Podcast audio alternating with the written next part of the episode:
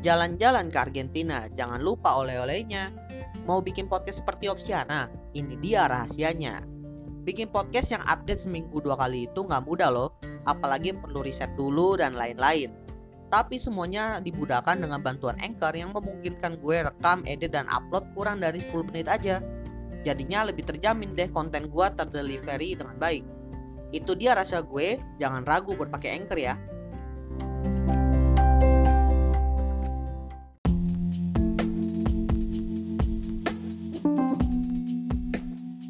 Pertengahan 2022 ini banyak perusahaan yang melakukan PHK terhadap karyawannya.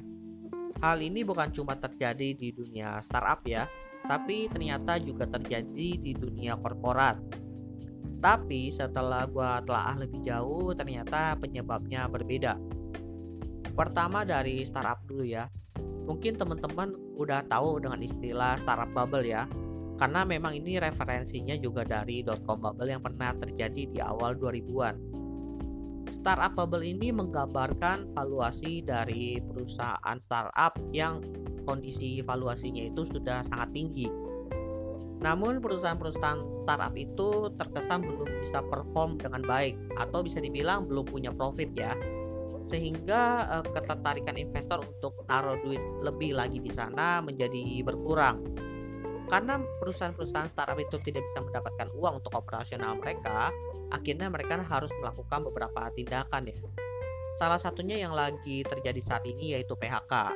Lalu yang kedua eh, banyak juga tuh yang bisa dibilang menutup perusahaan mereka. Bahkan yang ketiga kalau eh, dari foundernya itu ambisius bisa menggunakan uang pribadi mereka untuk perusahaan tersebut. Sebenarnya hype terhadap startup ini udah ada dari tahun-tahun sebelumnya ya, tapi memang memuncak di saat pandemi ini. Karena pandemi ini membuat uh, ruang lingkup kita menjadi berkurang. Aktivitas yang biasanya kita lakukan secara normal kini dibatasi, sehingga hal itu pun mempengaruhi terhadap performa kita. Nah, di sinilah para startup itu dengan solusi digitalnya muncul dan ternyata menjadi solusi kepada kita tapi bisa dibilang di masa pandemi ini itu adalah solusi alternatif ya. Kenapa alternatif? Karena balik lagi, ternyata setelah pandemi itu mulai menurun di awal 2022, banyak orang-orang kembali beraktivitas secara normal lalu menggunakan solusi lama atau dengan cara lamanya lah. Bisa dibilang jeda pandemi itu di tahun 2020 2021 menjadi ajang buat para startup itu unjuk gigi kebolehan mereka dalam uh, menangani masalah di masa pandemi. Untuk merealisasikan solusi mereka dan juga uh, memperluas jangkauan dari startup mereka akhirnya mereka mencari pendanaan dari investor. Dan karena investor ini orientasinya itu profit mereka akhirnya memberikan uang mereka kepada para startup itu. Karena di masa pandemi kan para startup itu bisa dibilang berperforma sangat baik. Karena banyak investor yang menaruh uang mereka di sana akhirnya valuasi dari perusahaan itu pun meninggi. Nah balik lagi gue bilang kan tadi di awal 2022 ternyata orang-orang kembali menggunakan cara lama Hal ini tentunya mempengaruhi performa dari perusahaan mereka sehingga para investor pun jadinya ragu ingin naruh duit juga. Solusinya ya startup itu mencari investor baru. Nah, ketika mereka mencari investor baru, investor baru itu melihat ternyata valuasi perusahaannya ini sudah terlalu tinggi. Sehingga perusahaan tadi akhirnya kesulitan mendapatkan uang entah dari investor lama maupun investor baru. Akhirnya ya solusinya dengan memanfaatkan uang kas yang mereka miliki secara uh, maksimal. Salah satu caranya ya mengurangi pengeluaran, ya dengan mengurangi jumlah karyawan yang digaji. Itu dia untuk uh, startup. Tapi ternyata berbeda nih untuk dunia korporat. Untuk korporat sebenarnya mereka itu memiliki kas yang jumlahnya jauh lebih banyak daripada startup dan permainan mereka itu sebenarnya juga bukan valuation game seperti startup. Terus apa yang mempengaruhi para perusahaan korporat ini melakukan PHK terhadap karyawannya? Penyebab besarnya adalah karena resesi. Resesi yang terjadi di sini pun resesi secara global ya. Dan para perusahaan korporat itu akhirnya melakukan antisipasi terhadap resesi yang akan terjadi ke depannya. Antisipasi yang mereka lakukan tentunya ya eh, bagaimana caranya mereka mengamankan modal atau kas perusahaannya.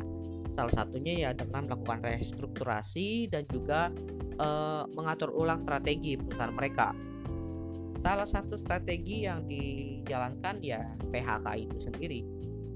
Karena mungkin buat teman-teman yang belum tahu ya, impactnya resesi itu bisa dibilang lumayan besar juga loh.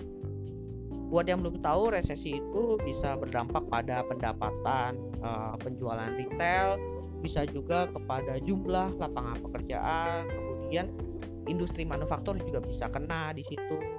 Pokoknya bisa kena ke mana-mana deh karena resesi itu menunjukkan terjadi penurunan signifikan dalam kegiatan ekonomi dan jangka waktunya itu bukan sebentar bisa lama. Nah, kenapa para korporat itu melakukan antisipasi? Nah, antisipasi kan berarti mereka berusaha mencegah. Karena mereka mungkin belajar ya dari case masa lalu di mana resesi kan juga pernah terjadi di tahun-tahun ke belakang. Nah, oleh karena itu agar tidak terdampak dengan study case yang terjadi di masa lalu itu mereka mengambil tindakan pencegahan terlebih dahulu. Ya bisa dibilang kalau mereka tidak mengambil langkah antisipasi ini, kalau terjadi uh, resesi yang sangat parah dan perusahaannya itu terimpact, ya akan kena bukan cuma sebagian orang yang di PHK tadi, melainkan seluruh perusahaannya, bahkan perusahaannya itu bisa terancam tutup.